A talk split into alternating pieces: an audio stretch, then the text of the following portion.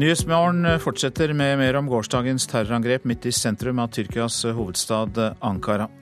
Det offentlige Helse-Norge vil ikke ha en egen havarikommisjon, slik helseminister Bent Høie ønsker.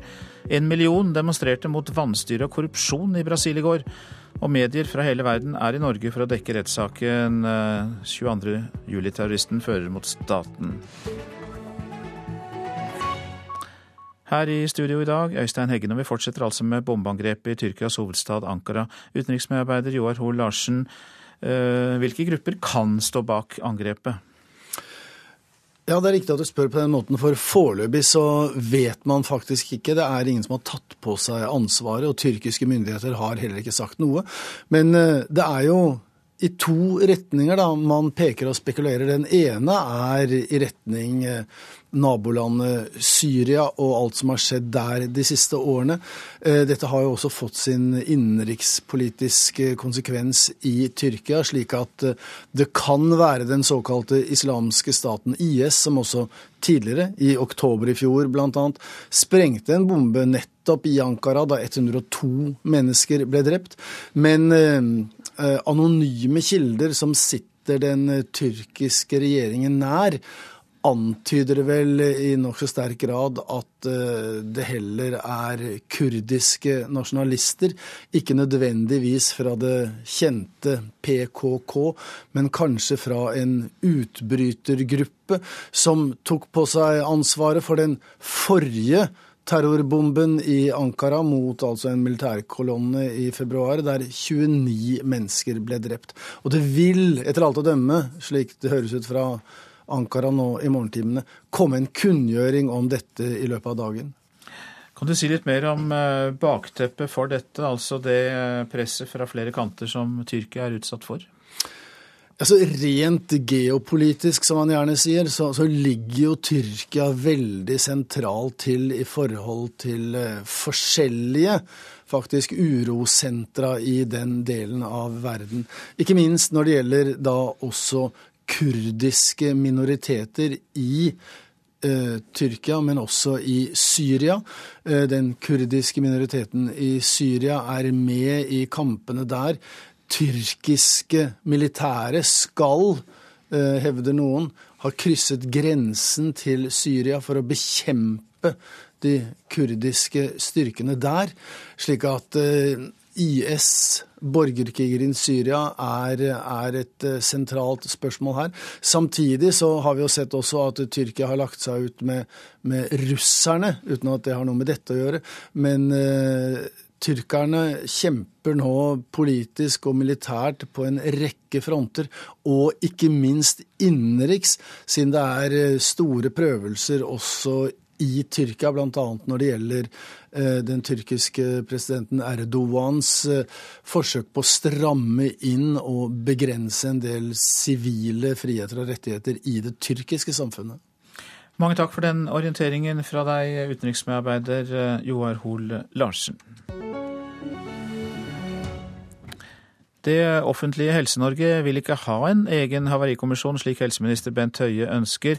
Både Helsedirektoratet og Helsetilsynet vender tommelen ned. Og det gjør også fylkesmennene og helseforetakene som styrer sykehusene.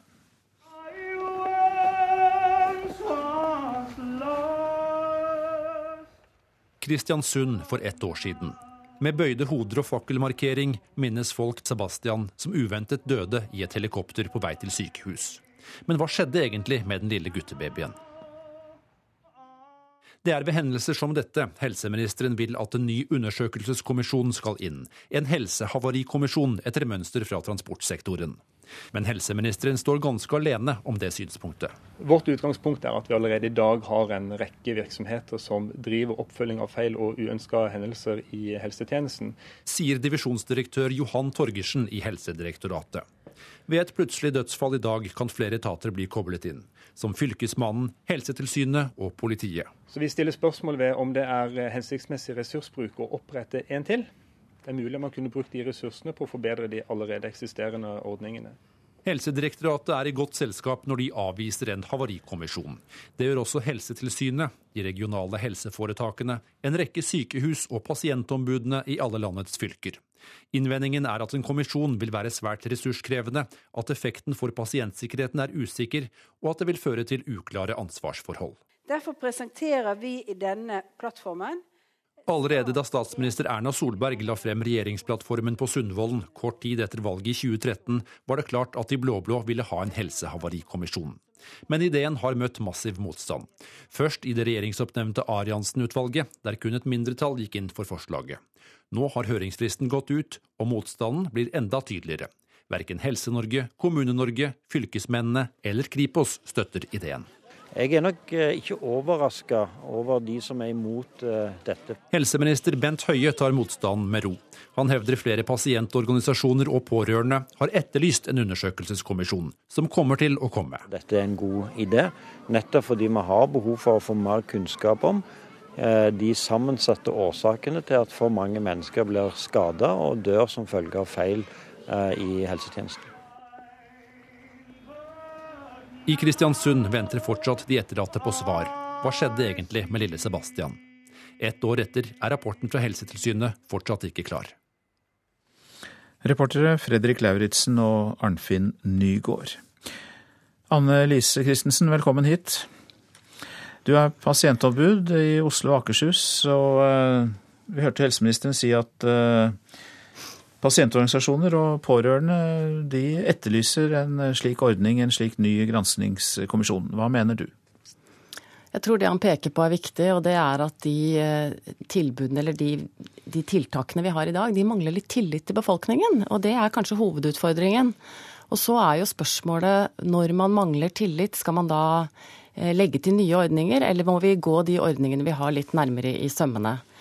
Og vi pasientombud, ut fra de erfaringene vi har, så tenker vi det er nok viktigere at vi, at vi ser nærmere på de systemene vi har, at de organiseres bedre. At de trolig må tilføres flere ressurser. Noen gang koster det penger å få bedre virksomheter eh, for at vi skal få en ordning som fungerer mer optimalt i dag. Jeg syns avslutningen på saken sier sitt, eh, denne tragiske saken i, i Kristiansund hvor vi nå sitter ett år etterpå og fortsatt venter på en avgjørelse fra Statens helsetilsyn, det er totalt uholdbart, og det er klart at det svekker tilliten til ordningen. Men nettopp derfor vil man ikke da trenge en slik helhetlig granskingskommisjon? Den eh, undersøkelsesenheten som skal ta for seg de mest alvorlige hendelsene, den skal jo nettopp være en helhetlig granskingskommisjon. Den vi har i dag? Den vi har i dag. Eh, og så har jo Statens helsetilsyn selv sagt at eh, de mangler ressurser, og de har ikke folk nok til å gjøre dette raskere. Og det som kanskje er mest urovekkende, er jo at det er på tross av at det meldes for få ting allerede. Flere saker skulle vært meldt dit og fulgt opp. Men når dere også da, i tillegg til mange aktører i helsevesenet, er skeptiske til en slik havarikommisjon som det har blitt kalt, eller en ny granskningskommisjon, er det da tilstrekkelig bare å styrke de kommisjonene og de organisasjonene man har? Jeg tror kanskje det viktigste søkelyset vi må ha, det er på virksomhetene selv.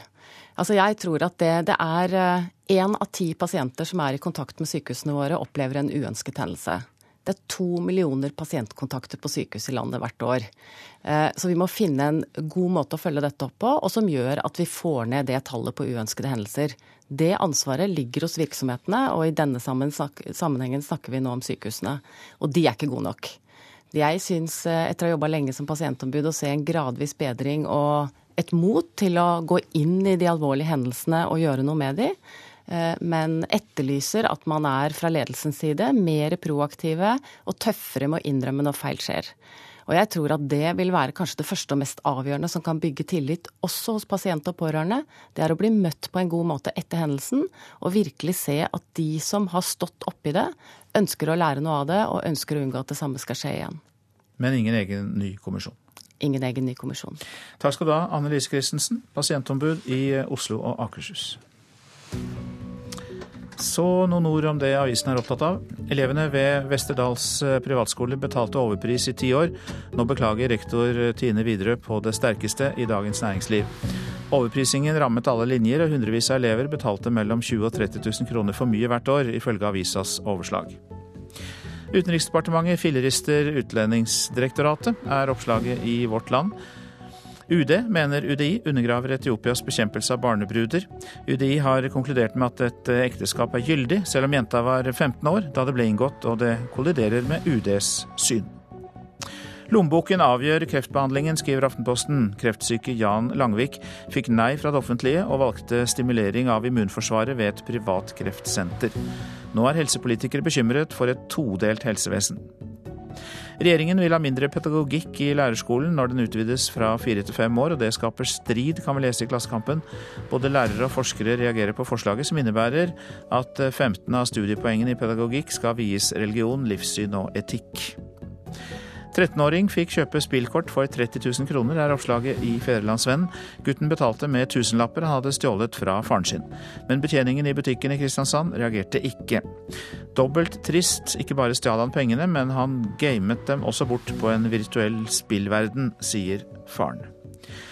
Rettssaken terroristen har anlagt mot staten er ikke noe som angår oss, sier to av dem som var på Utøya 22.07.2011. Emma A. Christensen og Maria Olsen sier til Adresseavisen at de ikke orker å bruke energi på rettssaken, og at den ikke er noen ny Utøya-rettssak.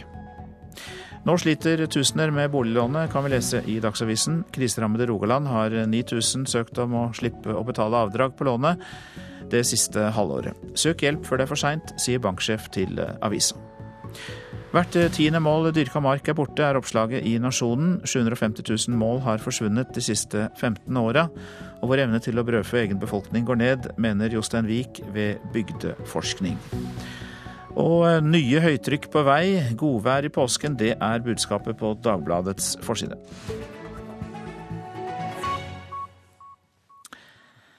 Norges eh, skiskytterforbund vil i løpet av de neste ukene legge planer som skal gi norsk suksess eh, også under OL i 2018.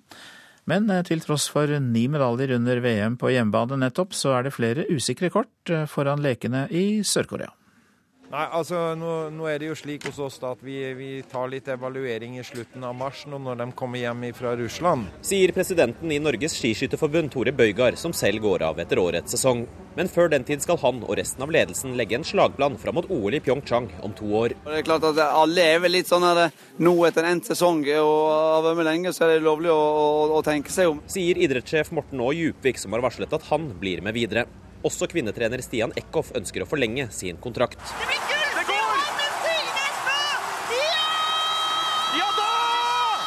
Johannes Stignes Bø avsluttet verdensmesterskapet i Holmenkollen med norsk gull, foran Ole Einar Bjørndalen, som tok bronse. 42-åringen ønsker ikke å røpe om han forlenger karrieren. Får vi se deg på mesterskapet? Da får du ikke noe svar på det. Også herretrener Egil Gjelland har tidligere uttalt at han er usikker på hva fremtiden vil bringe. Vi må finne ut nå hvem som eh, har lyst, hvem som er motivert og hvem som ser for seg et eh, toårsløp. For Det blir viktig nå å legge et eh, godt løp og en god plan framover mot OL i Pyeongchang 2018.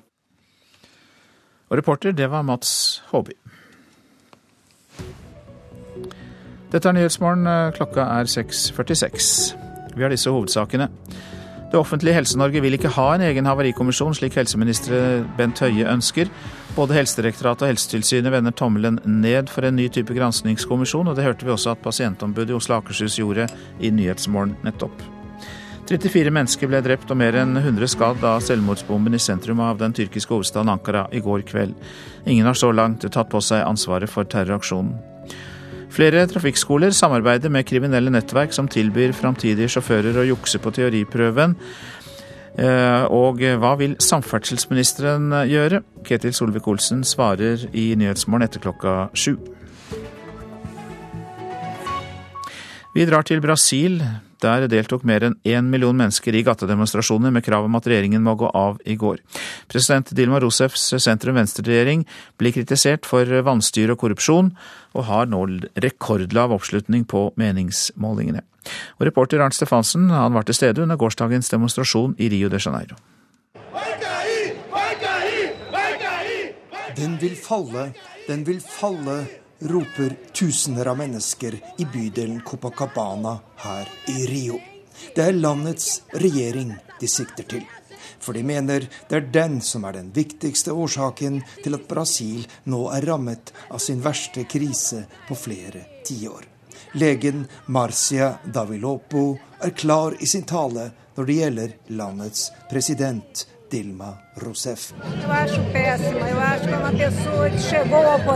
Jeg synes hun er en elendig president. Hun kom til makten takket være støtten fra den forrige presidenten, Lula da Silva, og hun er ikke egnet til å lede dette landet. Hun er autoritær, mangler evne til å samarbeide, og av og til skjønner vi ikke et kvekk av det hun sier. For landets skyld må hun og regjeringen bort. Jo før, jo heller, sier legen her fra Rio. Ut med Arbeiderpartiet, roper demonstrantene på Copacabana, og meningsmålingene viser at president Dilma Rousef bare har støtte fra drøyt 10% av Brasils velgere. Mer enn halvparten av velgerne støtter også kravet om at hun må fjernes ved riksrett, selv om mange mener det formelle grunnlaget for en riksrettssak er svakt. Men Brasils dype krise handler ikke bare om en svak regjering, sier en av demonstrantene.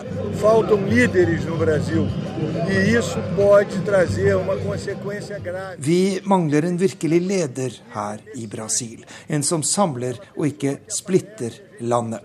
Selv om denne regjeringen faller, så tror jeg ikke det blir så mye bedre. Riktignok stiger nå børsene, og næringslivet jubler over utsiktene til å bli kvitt Dilma. Men det politiske kaoset vil fortsette, og det vil ta lang tid å få skikk på økonomien, sier demonstranten her i Rio. Gårsdagens demonstrasjoner øker presset på president Dilma Rousef, og opposisjonen er på offensiven etter at hennes forgjenger Lula da Silva ble brakt inn til avhør og kan bli tiltalt for økonomisk kriminalitet. Samtidig truer nå det største samarbeidspartiet, PMDB, med å forlate regjeringen noe som øker sannsynligheten for at Dilmas dager som Brasils leder er talte.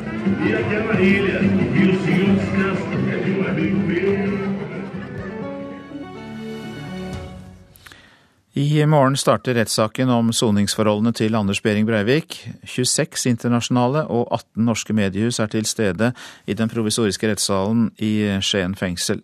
Retten har merket stor pågang fra journalister fra hele verden før saken starter. Her ser du listen over de norske og internasjonale mediene som eh, skal følge saken. Det er store mediehus som eh, Newsweek, eh, New York Times. Mediedommer Ina Strømstad har blitt oppringt av medier fra hele verden de siste ukene. Hun svarer på spørsmål om rettssaken Anders Behring Breivik fører mot den norske stat, og merker trykket både fra norske og internasjonale medier. Vi får mange henvendelser fra inn- og utland om juridiske spørsmål, om praktiske spørsmål om gjennomføringen. Eh, mange utenlandske redaksjoner har f.eks. stilt spørsmål ved hvorfor han får lov til i det hele tatt å reise en sak for domstolen, eh, i lys av det grusomme han har gjort. Bak låsene i Skien fengsel sitter massedrapsmannen.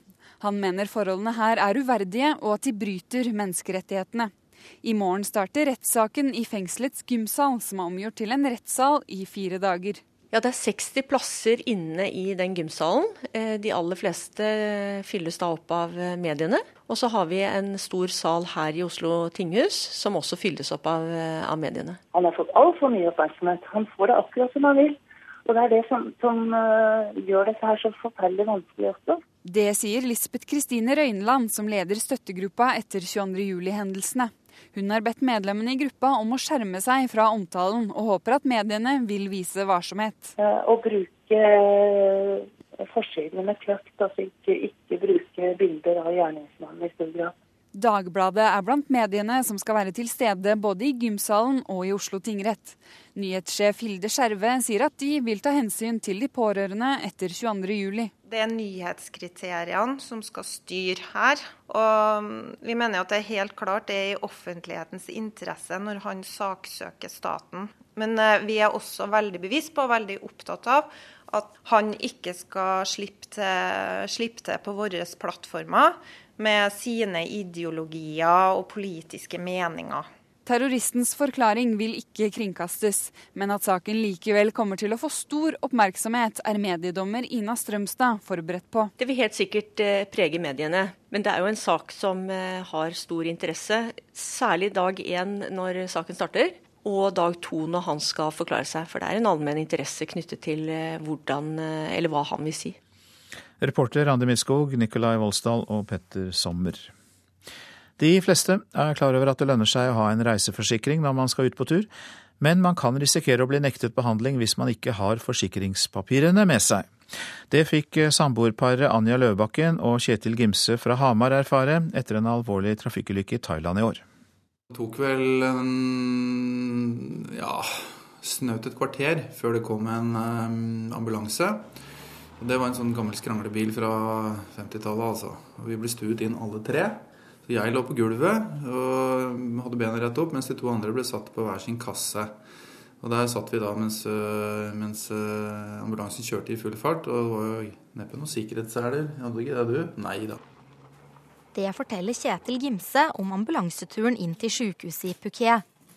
Etter at en bil og en skandinavisk motorsyklist kolliderte, og føreren av sykkelen ble kastet av og traff paret som sto langs veien.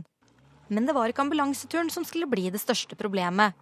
Parets reiseforsikring lå på mobilen som hadde blitt knust under ulykken, og de fikk derfor ikke hjelp på sykehuset før de kunne vise til den. Så vi fikk beskjed om å ordne med polisenummer, fakse papirer fra Norge og mm, få dokumentasjon på at vi hadde helseforsikring, og derfor da kunne få hjelp av de.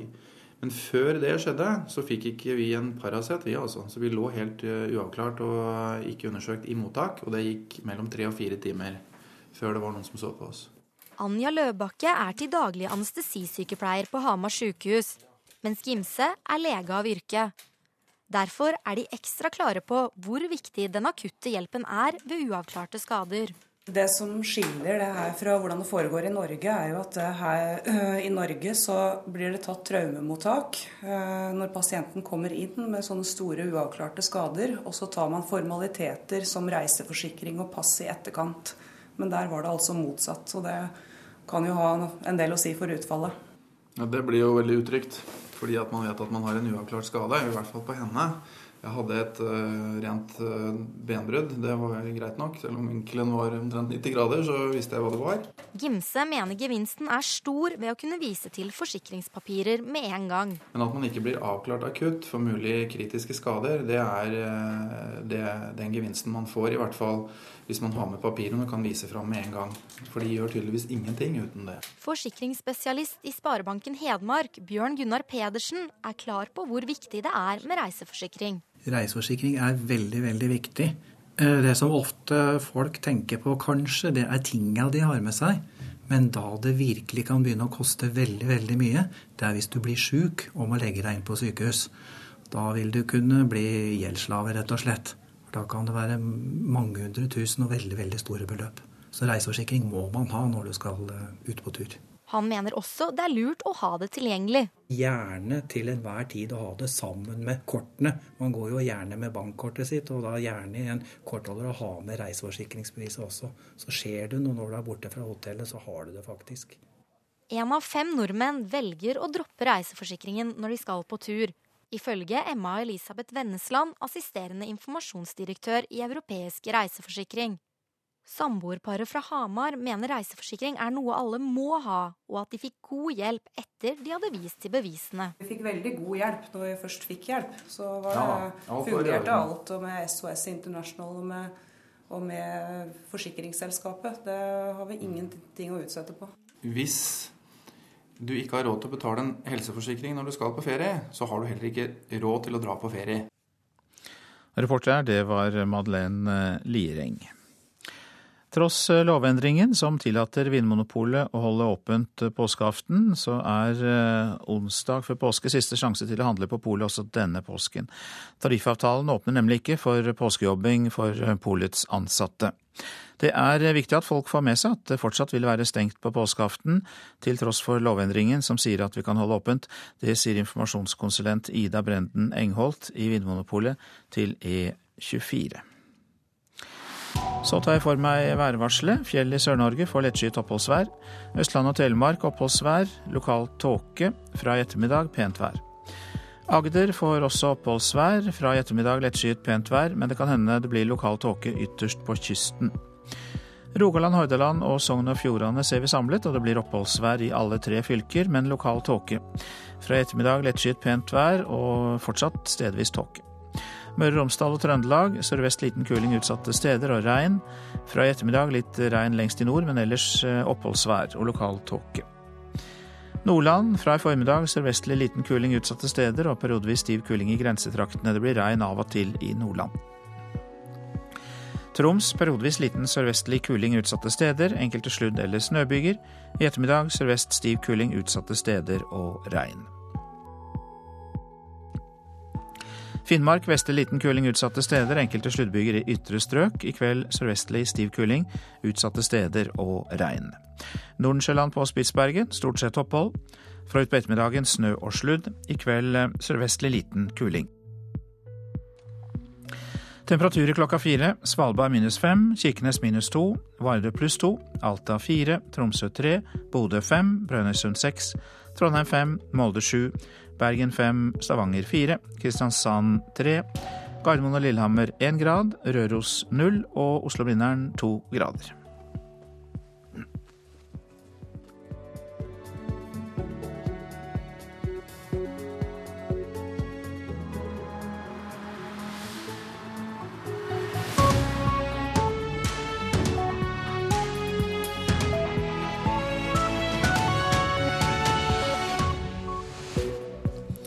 Vi spør hva samferdselsministeren vil gjøre for å hindre at kjøreskoler samarbeider med kriminelle nettverk om juks på teoriprøven, som vi hørte i Dagsnytt. Ketil Solvik-Olsen kommer hit. Tyrkia er altså rammet av det tredje alvorlige angrepet på fire måneder. Mer om angrepet i hovedstaden Ankara også i Nyhetsmorgen. Og hvorfor ble det et brakvalg for et innvandringskritisk parti i Tyskland? Hør mer i eh, Nyhetsmorgen.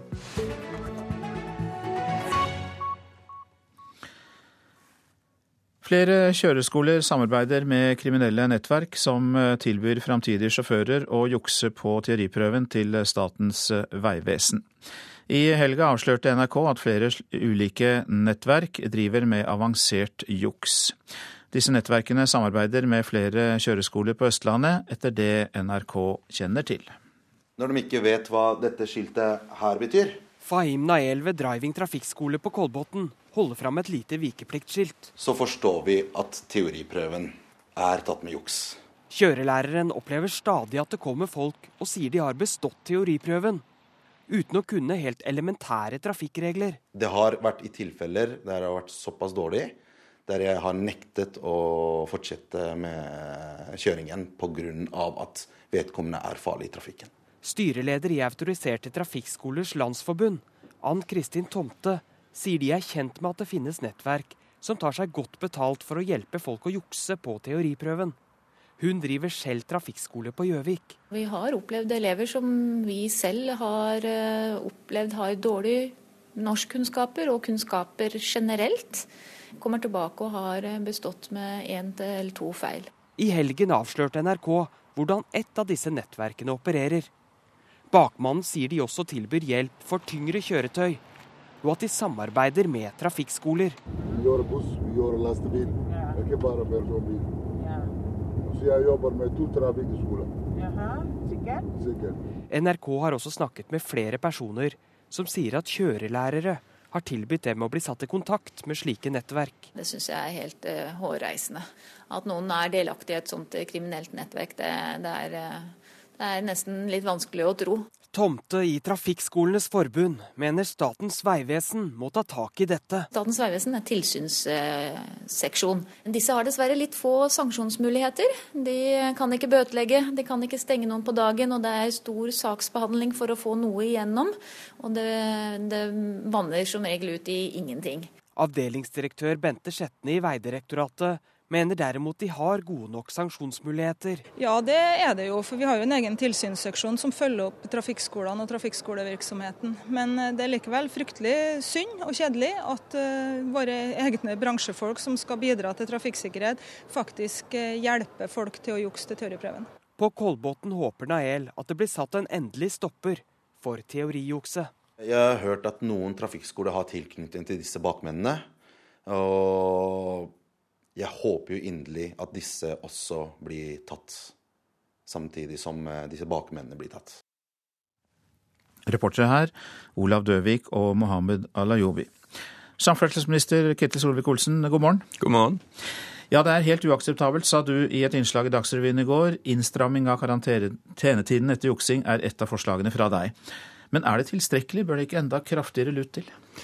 Jeg mener at det å stramme inn sånn at du eh, får karantenetid på ett år, er en kraftig lut. I dag så er det jo to ukes straff hvis du eh, jukser. Men det er jo den samme straffa du har hvis du stryker, så det er jo i realiteten ingen straff. Det å måtte vente ett år før du får prøve deg igjen, er ganske lang tid. Så får vi se om det er nok. Jeg mener at vi må gjøre det vi trenger for å bli kvitt juksere. For dette handler jo om trafikksikkerhet. Dette handler om folk som skal få føre bil. Eh, hvis du ikke forstår regler, hvis du ikke klarer å lese skilt, så har du ingenting på veien å gjøre. Ble du overrasket da du hørte om dette? Jeg er, jeg er, veldig skuffa over at det skjer. Jeg er ikke overrasket over at det skjer, for vi har hatt såpass mye kontakt med Vegvesenet som har beklaget seg over situasjonen. Og straks vi lærte hvor eh, kort karantenetid det var eh, i dag, så satte vi i gang arbeidet med å stramme inn. Og Vegvesenet gjør nå en jobb for oss med å lage utkast til nye forskrifter. Så er det dessverre sånn at demokratiets kvern maler av og til langsomt, og det skal ut på høring og alt dette, så det tar litt tid å få det på plass, men på plass skal det. Når da? Om et års tid eller et halvt år? Ja, det vil sannsynligvis ta et år for at alle formaliteter skal bli gjort riktig. Eh, og når vi sender det på høring, så håper jeg at eh, vi får alle gode krefter med på å gi oss gode innspill. Og gjerne i den samfunnsdebatten gi oss andre innspill i tillegg. Fordi at vi må både sørge for at de som, straffer, eh, nei, de som jukses, straffes riktig. Men vi må òg se om det er ting vi kan gjøre for å forebygge at det skjer og for å gi et klart varsku til, til, både elever og til kjøreskoler som kan mistenke dette om at det ikke er akseptabelt. Ja, fordi vi har hørt at 39 saker er anmeldt, men er blitt henlagt av politiet. Hvordan kan vi eh, tillate oss det som samfunn, at eh, man faktisk får juks i noe som du sier er så viktig for trafikksikkerheten, men så blir det henlagt? Det er jo politiet som får prioritere hvilke kriminelle eller anmeldelser som de vurderer til å være mest alvorlige for samfunnet. Ehm, og de har jo dessverre for mye å gjøre allerede, selv om eh, Anders Anundsen har styrka politiet og har flere politifolk nå enn noen gang før. Men eh, samtidig så må vi se på i den runden om det er ting der vi kan gi mer fullmakter til Vegvesenet i å følge opp sånne saker, istedenfor at politiet må, må belastes med, med, sånne ting der ofte ting blir henlagt. Bøtelegging, tenker du på det da? Ja, Bøtelegging kan, eh, kan være en av, eh, av, virkemidlene som en tar i bruk. Men her handler det jo òg om at Vegvesenet sitt, sitt tilsyn på dette at de har de verktøyene de mener de trenger for å kunne gå både bransjen og, og elevene etter i sømmene. Nå hører vi jo fra NRK sitt innslag at de sjøl mener at eh, de har det de trenger. Men vi må hele veien eh, se om det er nok likevel. Er prøvene for vanskelige? Nei, jeg, det mener jeg blir feil inngang inn i denne debatten. Det, er, de aller fleste står jo til slutt, og det tyder jo på at eh, de ikke er for vanskelige. Men det, jeg syns likevel det er greit at folk som ikke forstår trafikkregler, de bør vi heller ikke ha ut i trafikken. For dette handler om livet. Hvis du ikke forstår hvordan svikepliktregler, fartsgrenser og sånn gjelder, så har du rett og slett ingenting å gjøre med å føre et kjøretøy som er flere tonn tungt. Takk skal du ha, Ketil Solvik-Olsen, samferdselsminister. Ingen har foreløpig sagt at de sto bak terrorangrepet i Tyrkias hovedstad Ankara i går kveld. 34 mennesker ble drept og flere enn 100 skadd. Det var altså en selvmordsbomber som eh, sprengte seg i sentrum av byen. Anonyme kilder nær regjeringen hevder at det er kurdiske nasjonalister som står bak, og dette er det tredje store angrepet på fem måneder i Ankara. Kristin Solberg, eh, korrespondent, du er nå i Ankara. Eh, og hvordan er det i Ankara nå, få timer etter denne voldsomme terroraksjonen? Ja, dette er en by som er svært preget av det som skjedde i går kveld. Jeg står nå på åstedet, eller så nære vi kommer åstedet, for, eh, for eh, politiet har sperret av området. Her ser vi eh, vinduer i bygninger som er knuste etter den kraftige eksplosjonen i, i går. Men det vi også også ser, er at det er langt færre mennesker ute på gatene og langt færre biler ute i gatene enn det som er normalt på denne tiden. Nå er det rushtid her i Tyrkia. Folk eh, skal på jobb og skole, men det er merkbart mindre folk i gatene i dag. Så det er åpenbart at flere er redde for det som har skjedd i går. Og så er det mange som stiller seg spørsmålet om hvordan dette kunne skje. For dette her ligger midt i hjertet av hovedstaden. Og det er som du var inne på, eh, slett ikke det første. Det har vært tre slike angrep i Ankara bare i løpet av noen måneder. Så folk her stiller spørsmål om hvordan kunne dette skje nok en gang. Og hvem er de skyldige? Vi vet ikke noe særlig om det ennå, men uh, hva tror man? Nei, ingen har tatt på seg skylden for dette her. Eh, anonyme kilder eh, som står nær regjeringen, sier at det tyder på at det er kurdiske eh, militante som står eh, bak. Eh, nå må det legges til at det, det, det, forbudte kurdiske arbeiderpartiet PKK sier at det ikke rammer sivile, eh, men militære mål. Nå er Tyrkia et nokså splittet land, slik at det er flere som ikke tror på den forklaringen. et annet alternativ er, eh, er, IS. De har fått skylden for flere angrep eh, tidligere. Altså fire angrep de siste åtte månedene er, eh, har IS fått skylden på, for. Og den tyrkiske staten er jo også involvert i en militær offensiv mot IS, så det er også et alternativ. Men det må understrekes at ingen har tatt på seg skylden her ennå. Men ut ifra det du sier og det vi hører, så er det vel da en viss sannsynlighet for at terrorangrepet kan ha en form for sammenheng med krigen i Syria? Ja, det stemmer. Og det ser vi jo på eh, Det har det vært snakk om etter hvert eh, terrorangrep her. Vi har jo sett at dette er jo faktisk det sjette eh, større angrepet på bare åtte måneder. Og hver gang så blir det snakket om at dette har en sammenheng med Syriakrigen. Og eh, Tyrkia har jo da blitt eh, dratt eh, dypere inn i den krigen, og den krigen har også smittet over, over grensen til, til, Tyrkia. Vi så det jo bl.a. når det var IS som fikk skylden, men også når det er blitt klandret på kurdiske militante. Men det må også ses i sammenheng med den innenrikspolitiske situasjonen i, i Tyrkia. For dette er et land som er dypt splittet både politisk og etnisk nå. Mange takk skal du ha, korrespondent eh, Kristin eh, Solberg, som altså er i Ankara, rapporterte nå eh, fra åstedet for terrorangrepet i går.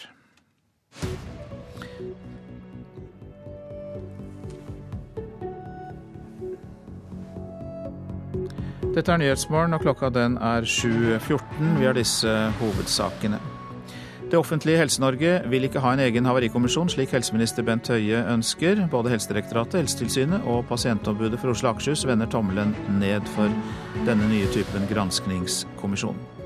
Flere trafikkskoler samarbeider med kriminelle nettverk som tilbyr framtidige sjåfører å jukse på teoriprøven. Vi, samferdselsminister Ketil Solvik-Olsen vil eh, altså øke Eh, straffetiden. Man må vente med å ta ny prøve fra to uker til ett år, men det kan ta noe tid før det er på plass. Han vil også gi flere virkemidler til, eh, til uh, Vegvesenet. Ingen har tatt på seg ansvaret for terroraksjonen i Ankara. I går kveld hørte vi nettopp i denne rapporten. Så om eh, angrepet i eh, Elfenbenskysten. 16 personer ble drept i det vestafrikanske landet i går. Tre hoteller i turistbyen Grand Bassam ble angrepet. Og en gruppe med tilknytning til terrornettverket Al Qaida har sagt at de sto bak dette angrepet. Og Morten Bøås, du er forskningsprofessor ved NUPI, Norsk utenrikspolitisk eh, institutt. Et av mange angrep er dette mot representanter for vestlige samfunn i eh, den delen av eh, Afrika. Hvorfor eh, er de et mål? Dette er jo grupper som ønsker å altså, altså, Det langsiktige målet er å drive altså vestlige organisasjoner, vestlige land og representanter for Vesten ut av, av Sahel, Vest-Afrika-området. Og eh, Årsaken til det er at de mener at disse statene er så svake at hvis man svekker det vestlige nærværet i disse statene, så vil de på mer eller mindre falle. Så Det er det langsiktige målet. Mer kortsiktige mål er bl.a. å vise hva de kan gjøre. Og så er det også en betydelig konkurranse her mellom ulike jihadistiske grupper, ikke minst mellom de som denne, som er, har en form for Al Qaida-tilknytning, og mer IS-inspirerte organisasjoner. Og det, Derfor spiller også det gjennomføringen av denne type angrep en rolle. Ja, Vi holder på Skype-linjen til deg, Bøås, men vi vender oss uh, også til Sverre Tom Radøy, vår Afrika-korrespondent. Uh, hva mer vet du om dette angrepet i går? Det skal ha vært uh, seks uh, som angrep. De kom seg ned på stranden i Grand Bassam, et veldig populært badested fire mil utenfor denne store femmillionshovedstaden i Elfenben-kysten. Tungt bevæpnet, granater, automatvåpen. Øyevitner sier at de, de, skjøt først mot badene og folk som uh, solte seg, før de da gikk inn mot uh, i hvert fall to hoteller, Chelsea Hotel og Hotel Etoile, uh, muligens ett til. De skal ha skutt forholdsvis vilt rundt seg. Det var full panikk. Folk rømte, og mange ble også da liggende. Morten Bøås, eh, du har jo vært i byen Gambasam flere ganger. Hvordan vurderer du beredskapen der? Nei, altså Dette er jo på mange måter eh, altså, feriestedet, helgestedet for uh, alle som bor i Abidjan, som har penger nok til en, enten å kjøre bilen ned eller å ta bussen ned. Så dette er, min, altså det er en rekke mindre hoteller og strandbarer, restauranter der. Og det de har av beredskap, er på mange måter en vaktmann eller to for å passe på at det ikke blir stjålet ting fra gjestene. Så de, har ingen beredskap overfor et angrep som dette her. og det er kanskje ikke så rart heller. Altså, Elfenbenskysten er som uh, vårt uh, samfunn, et, et, åpent samfunn. Og det er utrolig vanskelig å skulle beskytte denne type institusjoner mot denne typen anslag. Al Qaida i det islamske Maghreb eh, hevdet i går at de sto bak. Hva kan du si om den grupperingen? Ja, altså, dette er en gruppering som oppstår i kjølvannet av borgerkrigen i Algerie på, på 90-tallet. Altså når eh, Eh, et islam, islamistisk parti er i ferd med å vinne valget, og så blir dette valget eh, bare avlyst. Og det vestlige samme verden slutter seg på mange måter til at de militære avlyser dette valget. Det er i denne konteksten denne grupperingen dukker opp. Og eh, så tar de da senere, når de har måttet flykte fra Algerie, dette Al Qaida-navnet. Dette er først og fremst et navn de tar av mer strategiske hensyn. Det er lite kontakt her med det gamle Al Qaida-nettverket. Og eh, eh, korrespondent eh, Sverre Tom Radøy, vi hørte Bøås nevne at eh, det er et eh, åpent eh, samfunn, Elfenbenskysten. Folk drar ned til stranden i buss eller bil. Hva er reaksjonene dagen derpå i dette landet? Nei, det som det, det, dette er jo da et nytt angrep mot et turistmål. Eh, vi har uh, hatt uh, flere av dem, og akkurat nå i det siste i det som Bøås kaller et Sahel-område, altså grensen fra ørkenen og, og, nedover sørover i Afrika. Vi hadde Mali. Jeg befinner meg i hovedstaden Bamako nå i i dette øyeblikket her. Og jeg har snakket med folk her som jo med en gang de hørte om dette angrepet, peker rett mot uh, angrepet mot uh, Radisson Blue i november, og kaller det like feigt. Uh, så hadde vi Burkina Faso i, i den 30. Januar, i januar. Der, der, ble 30 drept. 20 ble drept i Mali. Og vi husker Tunis i juni i 2015. 38 ble drept. De går altså i større og større utstrekning etter turistmål, etter vestlige mål, slik Bøe sier. Mange takk skal dere ha, Afrikakorrespondent Sverre Tom Radøy der, og eh, Morten Bøås eh, fra NUPI, som vi også eh, hørte i denne samtalen. Klokka er 7.20, og vi fortsetter med presserunden. Elevene ved Westerdals privatskole betalte overpris i ti år. Nå beklager rektor Tine Vinderød på det, Widerøe på det sterkeste. Overprisingen rammet alle linjer, og hundrevis av elever betalte mellom 20 og 30 000 kroner for mye hvert år, ifølge Dagens Næringslivs utregninger.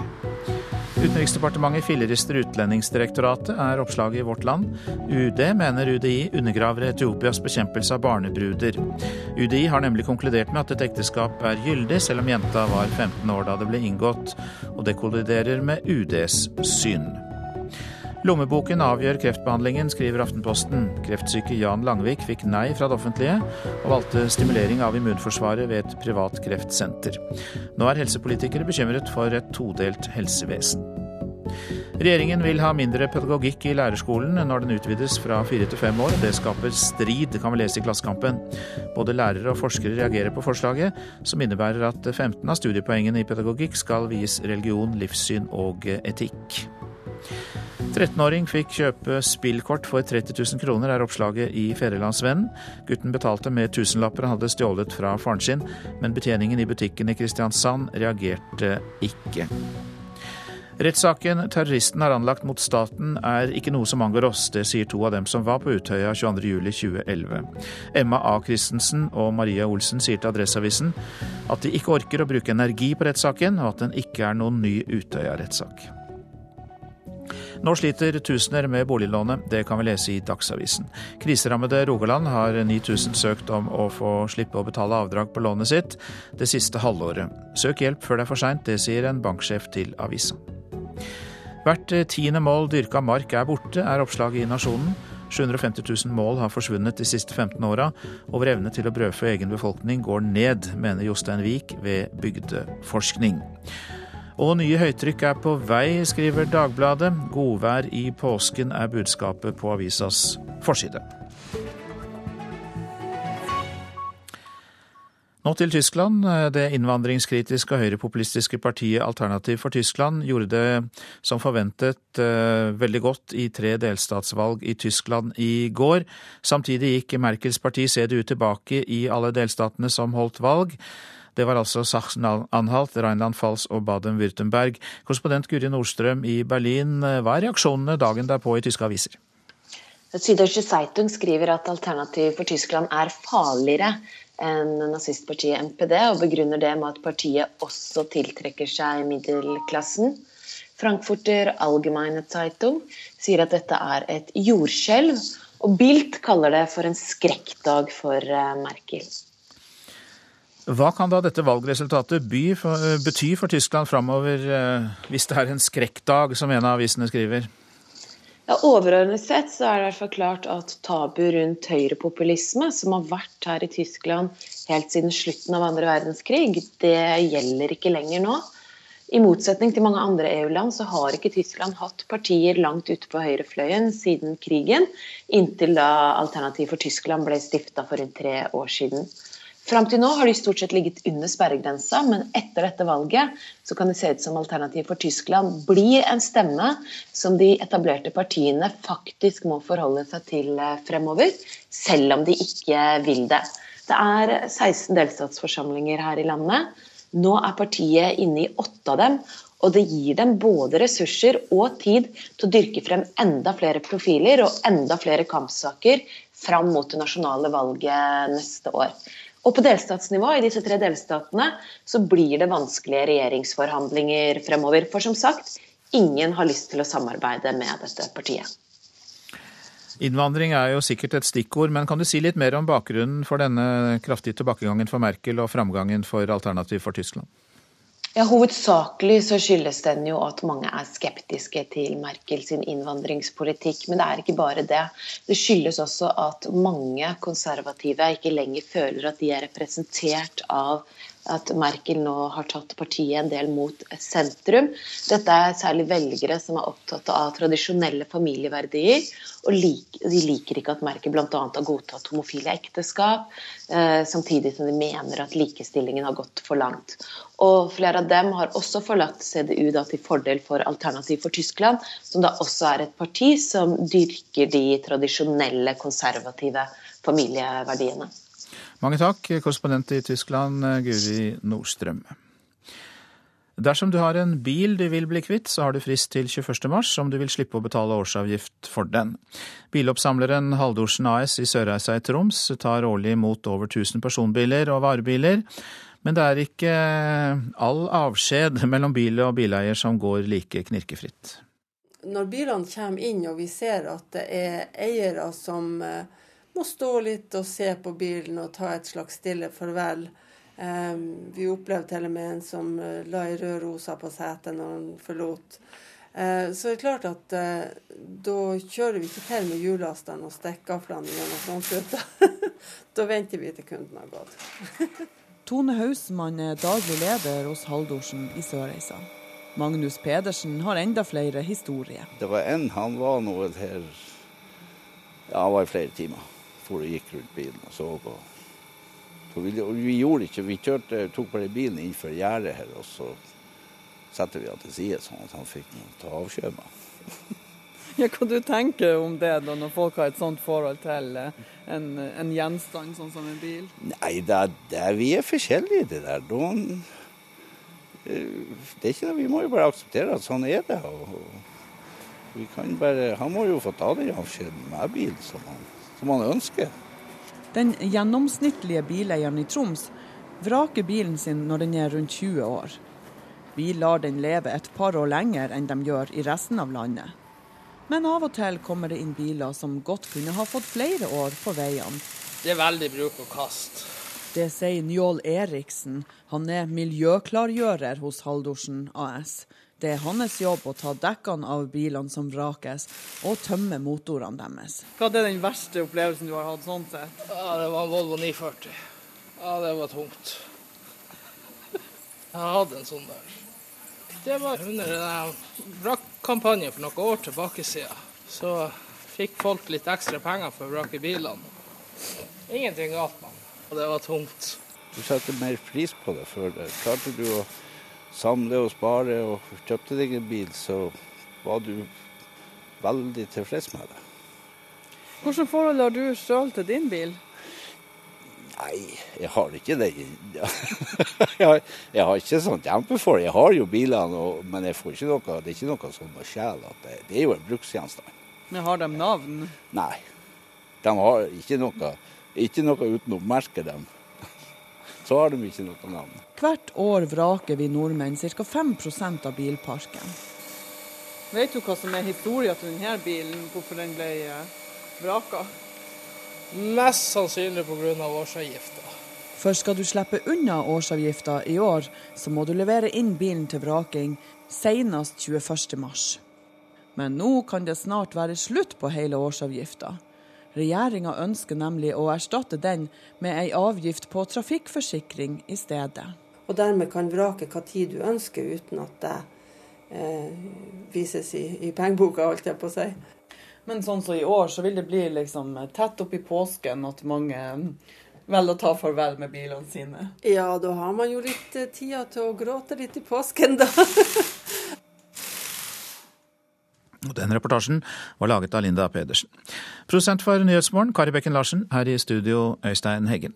I Politisk kvarter skal Marit Arnstad fra Senterpartiet, KrFs Olaug Bollestad og Sveinung Rotevatn fra Venstre diskutere tilstanden for sentrumssamarbeidet i norsk politikk.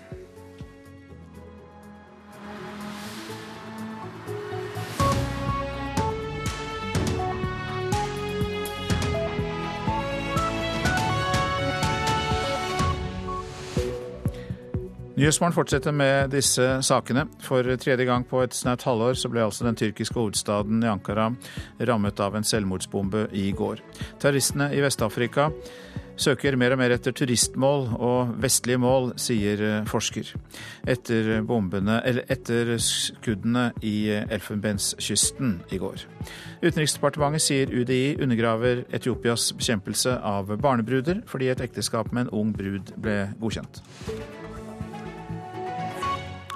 For tredje gang på et snaut halvår så ble det altså den tyrkiske hovedstaden Ankara rammet av en selvmordsbombe i går. 37 mennesker, inkludert de to selvmordsbomberne, ble drept og mer enn 100 skadd. Mange av dem alvorlig. Den tyrkiske statsministeren sier at de nå snart vil ha avklart hvem som sto bak. En hel verden har tatt avstand fra ugjerningen, som ingen ennå vet hvem som står bak. Men den vanskelige situasjonen som er oppstått i Tyrkia pga. krigshandlingen i nabolandet Syria, tilsier at det kan være den såkalte islamske staten IS som har utført udåden. På samme måte som i oktober i fjor, da 102 mennesker ble drept av en IS-bombe på jernbanestasjonen i den tyrkiske hovedstaden. Men anonyme kilder som står regjeringen nær, sier at det er kurdiske nasjonalister som har utført terrorangrepet. Det skal ha vært en utbrytergruppe fra PKK som utførte den forrige terrorhandlingen i den tyrkiske hovedstaden, da 29 mennesker ble drept etter et angrep, også den gang på en buss med soldater og offiserer om bord. Ifølge de anonyme kildene så er det denne gruppen som står bak gårsdagens handling.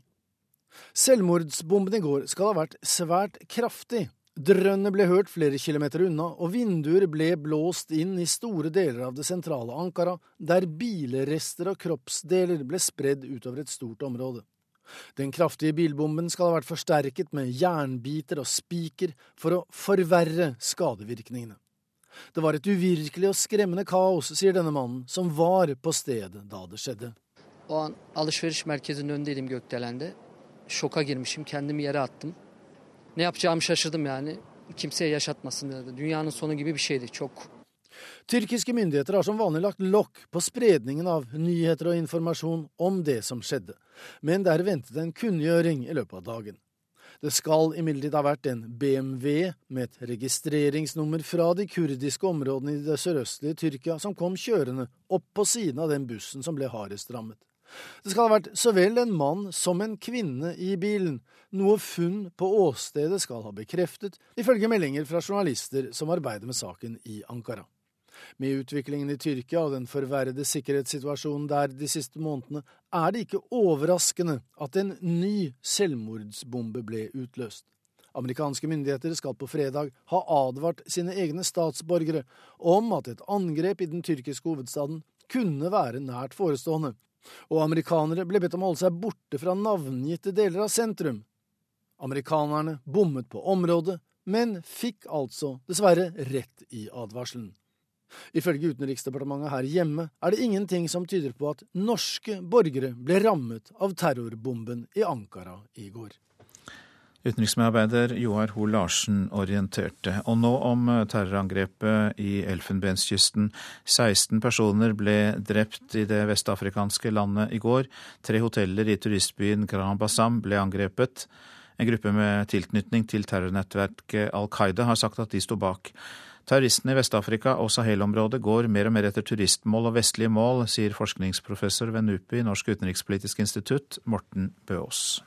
Det langsiktige målet er å drive vestlige organisasjoner, vestlige land og eh, representanter for Vesten ut av eh, Sahel-Vest-Afrika-området. De mener at disse statene er så svake at hvis man svekker det vestlige nærværet i disse statene, så vil de på mer eller mindre falle. Så Det er det langsiktige målet. Mer kortsiktige mål er bl.a. å vise hva de kan gjøre. Og så er det også en betydelig konkurranse her mellom ulike jihadistiske grupper. Ikke minst mellom de som denne, som er, har en form for Al Qaida-tilknytning, og mer IS-inspirerte organisasjoner. Og det, Derfor spiller også det gjennomføringen av denne type angrep en rolle. Vi vender oss også til Sverre Tom Radøy, vår Afrikakorrespondent. Hva er reaksjonene dagen derpå i dette landet? Dette er jo da et nytt angrep mot et turistmål. Vi har hatt flere av dem, og akkurat nå i det siste i det som Bøås kaller et Sahel-område, altså grensen fra ørkenen og, og nedover sørover i Afrika. Vi hadde Mali. Jeg befinner meg i hovedstaden Bamako nå i dette øyeblikket her. Og jeg har snakket med folk her som jo med en gang de hørte om dette angrepet, peker rett mot uh, angrepet mot Radisson Blue i november og kaller det like feigt. Så hadde vi Burkina Faso i januar, der ble 30 drept. 20 ble drept i Mali. Og vi husker Tunis i juni i 2015. 38 ble drept. De går altså i større og større utstrekning etter turistmål, etter vestlige mål, slik Bøe sier. Og til slutt er Afrikakorrespondent Sverre Tom Radøy. UDI har godkjent ekteskapet til en etiopisk kvinne som ble gift med mannen sin da hun var 15 år, det skriver Vårt Land. Utenriksdepartementet er opprørt og sier at UDI undergraver Etiopias bekjempelse av barnebruder. Jenta er over 18 år i dag, men var bare 15 år da hun gifta seg med sin ektemann som bor i Norge.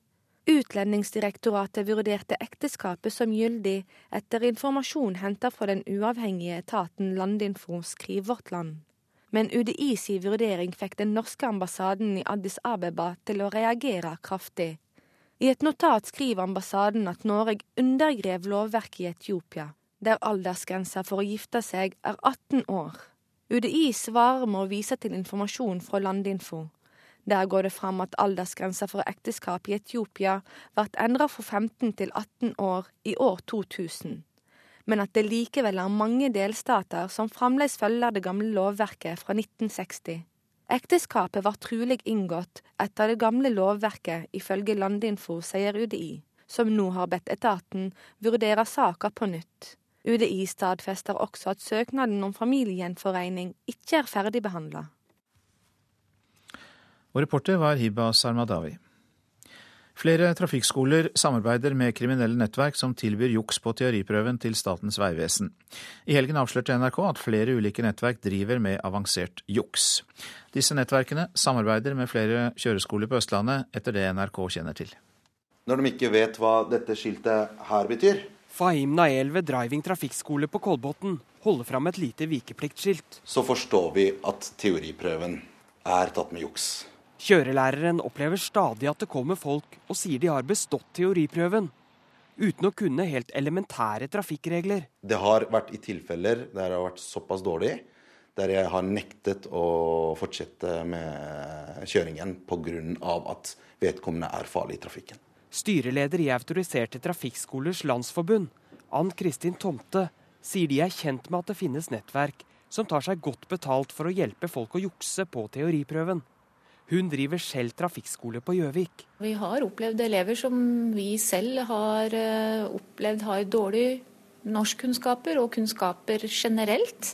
Kommer tilbake og har eh, bestått med én eller to feil. I helgen avslørte NRK hvordan ett av disse nettverkene opererer. Bakmannen sier de også tilbyr hjelp for tyngre kjøretøy, og at de samarbeider med trafikkskoler. Vi gjør buss, vi gjør lastebil, ikke bare personbil. Så jeg jobber med to trafikkskoler. Sikkert? NRK har også snakket med flere personer som sier at kjørelærere har tilbudt dem å bli satt i kontakt med slike nettverk. Det syns jeg er helt uh, hårreisende. At noen er delaktig i et sånt uh, kriminelt nettverk, det, det, er, uh, det, er, nesten litt vanskelig å tro. Reportere Olav Døvik og Mohammed Alayobi. Og samferdselsministeren vil endre reglene slik at de som jukser på teoriprøven må vente i ett år før de får ta prøven på nytt. Ketil Solvik-Olsen sier det må kraftig lut til for å bli kvitt juksemakerne. Jeg mener at det å stramme inn sånn at du eh, får karantenetid på ett år, er en kraftig lut. I dag så er det jo to ukes straff hvis du eh, jukser. Men det er jo den samme straffen du har hvis du stryker, så det er jo i realiteten ingen straff. Det å måtte vente ett år før du får prøve deg igjen, er ganske lang tid. Så får vi se om det er nok. Jeg mener at vi må gjøre det vi trenger for å bli kvitt juksere. For dette handler jo om trafikksikkerhet. Dette handler om folk som skal få føre bil. Eh, hvis du ikke forstår regler, hvis du ikke klarer å lese skilt, så har du ingenting på veien å gjøre. Nå om konsernet Anton B. Nilsen som eier Westerdals eh, skole. Det tar nå selvkritikk for måten de har behandlet elever og ledelse på, på denne privatskolen. Elever på Westerdals eh, har vært nødt til å betale over dobbelt så mye i skolepenger som de egentlig skulle fra 2002 til 2012. Det er Dagens Næringsliv som skriver det.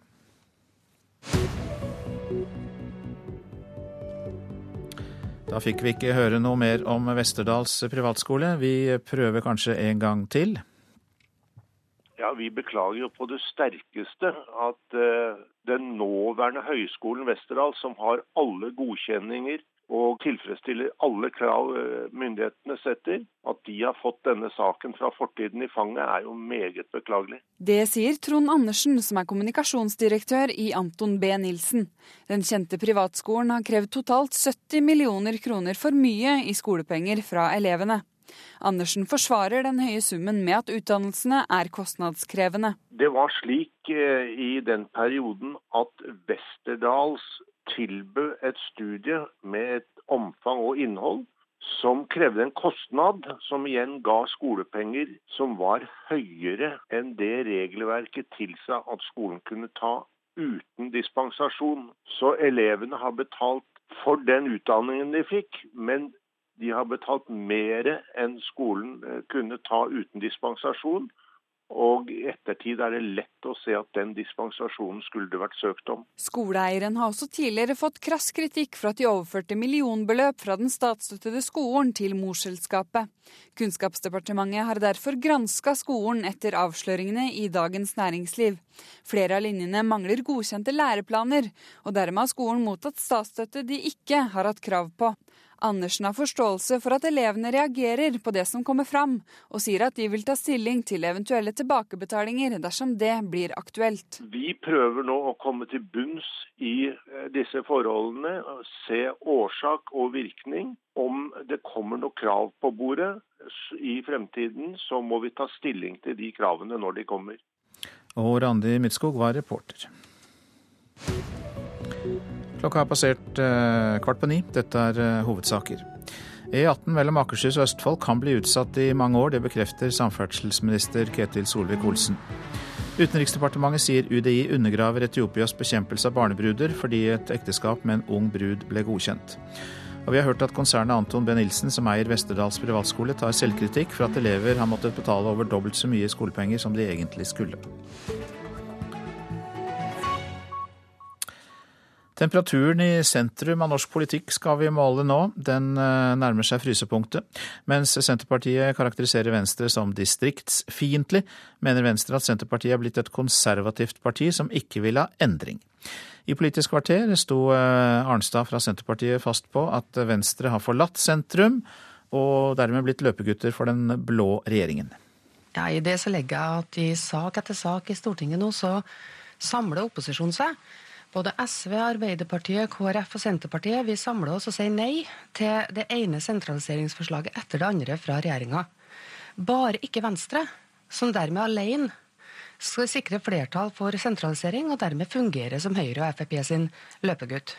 Og så sier du også at de er styrt fra Oslo, og det noe verre fins vel knapt fra Senterpartiet ståsted? Nei, men så Altså når, du, når, du, på en måte med åpne øyne kan vedta en energilov som vil påføre eh, næringsliv i distriktene eh, økte kostnader i milliardklassen, da mener jeg at da ser du verden og Norge fra Oslo, og ikke fra de eh, bedriftene og, de, og, og, og, foretakene som, som det faktisk gjelder. Altså. Sveinung Rotevatn, du er venstremann, stortingsrepresentant fra Sogn og Fjordane. Kjenner du igjen partiet ditt som en slags eh, Oslo-styrt heiagjeng til de blå-blå? Nei, det gjør jeg ikke. Og at eh, Senterpartiet mener andre ikke har en god nok distriktspolitikk, det tar jeg med knusende ord. For hvis Senterpartiet mente noe annet, så kunne jeg bare lagt ned butikken. Vi gjør det vi har gått til valg på, det jeg har lovt mine velgere i Sogn og Fjordane å gjøre, og det andre venstrefolk har lovt sine velgere å gjøre. Vi samarbeider med andre borgerlige partier, og så er det ulike politiske flertall på Stortinget for ulike saker. Eksempelvis har vi danna breie flertall på Stortinget i spørsmål om politireform med regjeringa, med KrF, med Arbeiderpartiet. Nå har vi jobba fram en sykehusenighet der jeg oppfatter at vi og regjeringa og Arbeiderpartiet stort sett er enige i det meste. Det som er realiteten er at Senterpartiet står ganske alene i et hjørne og roper at alle andre må komme til deg. Uh, Marit Arnstad, det er dere som står alene, sier han her. Ja, Det er nok ikke det, skjønner du. Det er det som er nytt nå. Eh, altså, Jeg har respekt for at Høyre i noen saker går sammen med regjeringspartiene. Det gjør også Senterpartiet, og det er sentrumspartiene sine, sitt lodd på en måte i Stortinget at du kan inngå i ulike allianser sak til sak med partier både for, til høyre og til venstre for deg. Men det som nå skjer, er jo at Venstre står alene sammen med Høyre og Frp i en rekke saker som angår distriktspolitikken. Olaug Bollestad, du er nestleder i Kristelig Folkeparti. Og Marit Arnstad har jo rett i at dere har vært med opposisjonen i de sakene som hun har ramsa opp, mens Venstre har støtta regjeringspartiene. Har dere gått mer til venstre i politikken, eller er det Venstre som har knytta seg nærmere de blå-blå? Eh, Venstre har jo definert seg som et borgerlig parti. Det har ikke KrF gjort. KrF sier at vi er et ikke-sosialistisk parti. Så har jo òg Senterpartiet for så vidt bundet seg til ei blokk, de òg, fordi de har vært og er mye sammen med de rød-grønne. KrF er opptatt av et sterkt sentrum. KrF har et godt forhold både til Senterpartiet og til Venstre. Vi skulle ønske at vi faktisk hadde kunnet knytte en mye større samarbeid mot sentrum, for at det skulle være ei kraft i norsk politikk. Som... Hvem er det som har skylda i at dere ikke har fått det til? da? det tror jeg vi må ta litt ansvar for alle, og heller sette oss ned sammen og se hva vi kan gjøre for faktisk å bygge og utvikle et sentrum. Fordi vi tror at både høyresida og venstresida har godt av å bli dratt mot sentrum. Der tror KrF de beste løsningene faktisk ligger i veldig mange spørsmål. KrFs uh, Olaug Bollestad var det, og vi hørte også Marit Arnstad fra Senterpartiet og Venstres Sveinung Rotevatn i utdraget fra Politisk kvarter, som var ved Lilla Sølhusvik. Det offentlige Helse-Norge vil ikke ha en egen havarikommisjon, slik helseminister Bent Høie ønsker. Både Helsedirektoratet og Helsetilsynet vender tommelen ned. Og det gjør også fylkesmennene og helseforetakene som styrer sykehusene. Kristiansund for ett år siden. Med bøyde hoder og fakkelmarkering minnes folk Sebastian som uventet døde i et helikopter på vei til sykehus. Men hva skjedde egentlig med den lille guttebabyen? Det er ved hendelser som dette helseministeren vil at en ny undersøkelseskommisjon skal inn. En helsehavarikommisjon etter mønster fra transportsektoren. Men helseministeren står ganske alene om det synspunktet. Vårt utgangspunkt er at vi allerede i dag har en rekke virksomheter som driver oppfølging av feil og uønska hendelser i helsetjenesten. Sier divisjonsdirektør Johan Torgersen i Helsedirektoratet. Ved et plutselig dødsfall i dag kan flere etater bli koblet inn som Fylkesmannen, Helsetilsynet og politiet. Så Vi stiller spørsmål ved om det er hensiktsmessig ressursbruk å opprette en til. Helsedirektoratet er i godt selskap når de avviser en havarikommisjon. Det gjør også Helsetilsynet, de regionale helseforetakene, en rekke sykehus og pasientombudene i alle landets fylker. Innvendingen er at en kommisjon vil være svært ressurskrevende, at effekten for pasientsikkerheten er usikker, og at det vil føre til uklare ansvarsforhold. Jeg er nok eh, ikke overraska over de som er imot eh, dette. Helseminister Bent Høie tar motstanden med ro. Han hevder flere pasientorganisasjoner og pårørende har etterlyst en undersøkelseskommisjon, som kommer til å komme. Dette er en god idé, nettopp fordi vi har behov for å få mer kunnskap om eh, de sammensatte årsakene til at for mange mennesker blir skada og dør som følge av feil i helsetjenesten. Reportere her, det var Fredrik Lauritzen og Arnfinn Nygård. Og pasientombud Anne Lise Christensen i Oslo og Akershus sier det er viktigere å organisere dagens ordninger bedre enn å lage helt nye. For vi har allerede en enhet som skal granske alvorlige hendelser, påpeker hun. Den eh, undersøkelsesenheten som skal ta for seg de mest alvorlige hendelsene, den skal jo nettopp være en helhetlig granskningskommisjon. Eh, og så har jo Statens helsetilsyn selv sagt at eh, de mangler ressurser, og de har ikke folk nok eh, til å gjøre dette raskere. Og det som kanskje er mest urovekkende, er jo at det er på tross av at det meldes for få ting allerede. Flere saker skulle vært meldt dit og fulgt opp. Og vi tar med en melding fra Aftenposten om at enkelte pasienter betaler store summer av egen lomme for behandling som ikke dekkes av det offentlige helsevesenet. Når enkeltmenneskers mulighet til å leve lenger avhenger av direkte av lommeboken, så er det klart at vi ser begynnelsen på en todeling av helsevesenet. Det sier SV-leder Audun Lysbakken til avisa. Bakgrunnen er en sak om personer som selv betaler for ny og kostbar behandling som ikke dekkes av det offentlige helsevesenet. Dersom du har en bil du vil bli kvitt, eh, har du frist til 21. mars, og det er jo snart, om du vil slippe å betale årsavgift. Biloppsamler Haldorsen AS i Sørreisa i Troms tar årlig imot eh, om lag 1000 personbiler og varebiler, men det er ikke all avskjed mellom bil og bileier som går like knirkefritt. Når bilene kommer inn og vi ser at det er eiere som eh, må stå litt og se på bilen og ta et slags stille farvel, vi opplevde til og med en som eh, la ei rød rosa på setet når han forlot. Eh, så det er klart at eh, da kjører vi ikke til med hjullasteren og stikkgaflene gjennom frontruta. da venter vi til kunden har gått. Tone Hausmann er daglig leder hos Haldorsen i Sørreisa. Magnus Pedersen har enda flere historier. Det var en, han var nå her ja, han var i flere timer. For og gikk rundt bilen og så på vi, vi, gjorde ikke, vi kjørte, tok bare bilen innenfor gjerdet her, og så setter vi han til side, sånn at han fikk ta avskjed med. ja, hva du tenker om det da, når folk har et sånt forhold til eh, en, en gjenstand sånn som en bil? Nei, det, det, vi er forskjellige, det der. Da, eh, det er ikke det, Vi må jo bare akseptere at sånn er det. Vi kan bare, han må jo få ta den avskjeden med bil som han, som han ønsker. Den gjennomsnittlige bileieren i Troms vraker bilen sin når den er rundt 20 år. Vi lar den leve et par år lenger enn de gjør i resten av landet. Men av og til kommer det inn biler som godt kunne ha fått flere år på veiene. Det er veldig bruk og kast. Det sier Njål Eriksen. Han er miljøklargjører hos Haldorsen AS. Det er hans jobb å ta dekkene av bilene som vrakes, og tømme motorene deres. Hva er den verste opplevelsen du har hatt sånn sett? Ja, Det var Volvo 940. Ja, det var tungt. Jeg hadde en sånn der. Det var under en vrakkampanje for noen år tilbake siden. Så fikk folk litt ekstra penger for å vrake bilene. Ingenting galt med den. Og det var tungt. Du setter mer pris på det før. det. Klarte du å samle og spare og kjøpte deg en bil, så var du veldig tilfreds med det. Hvilket forhold har du sjøl til din bil? Nei, jeg har ikke det. jeg, har, jeg har ikke sånn kjempeforhold. Jeg har jo bilene, men jeg får ikke noe, det er ikke noe sånn med sjel. Det, det er jo en bruksgjenstand. Men har de navn? Nei. De har ikke noe, ikke noe uten å merke dem. Så har de ikke noe navn. Hvert år vraker vi nordmenn ca. 5% av bilparken. Vet du hva som er historien til denne bilen, hvorfor den ble eh, vraka? Mest sannsynlig pga. årsavgifta. For skal du slippe unna årsavgifta i år, så må du levere inn bilen til vraking senest 21.3. Men nå kan det snart være slutt på hele årsavgifta.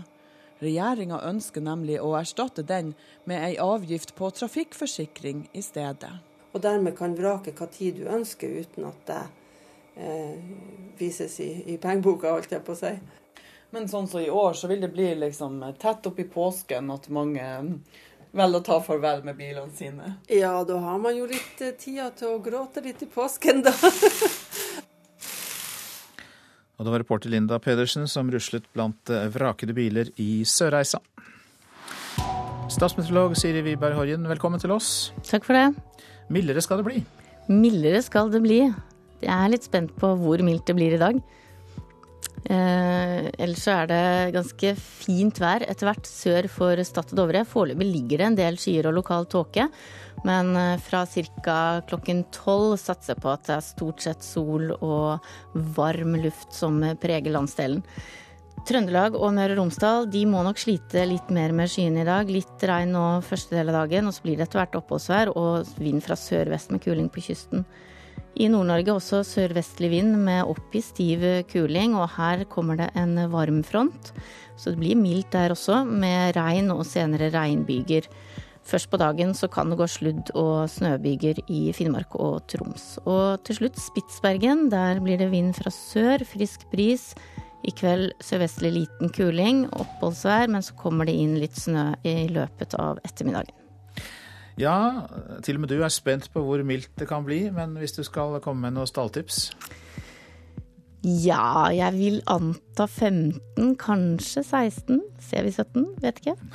I hvilke områder da? Sør-Norge først og fremst? Det ser ut til at det er langs kysten det blir eh, de høyeste temperaturene. Det ligger jo fortsatt mye snø innover i landet, men kanskje Telemark er stedet. For kanskje 17 grader. Vi får se. Ja, Du vil ikke love noe, det skjønner jeg, men mildere, mildere, skal det bli. Men ellers, eh, sånn veldig forenklet og oppsummert, så er det vel sånn at eh, dagens vær er pent i sør og regn i nord, ut ifra ja, det du sa? Det er egentlig det. Det er et skille ved Stad og Dovre. Sånn at eh, bor man sør for disse områdene, så får man en fin vårdag. Veldig enkelt og greit værvarsel å forholde seg til i dag. Takk skal du ha. Vær så god. Da runder vi av med å slå fast at Sven Gullvåg var ansvarlig for um, radionyhetene på morgenkvisten, og det var Kari Bekken Larsen som var produsent for Nyhetsmorgen. Teknisk ansvarlig Espen Hansen, og her ved mikrofonen i dag Øystein Heggen. Og så minner vi om det vi gjør av og til på denne tida, nemlig nettstedet radio.nrk.no, der du kan høre alle NRKs kanaler, og dessuten laste opp veldig mange av de programmene som er sendt.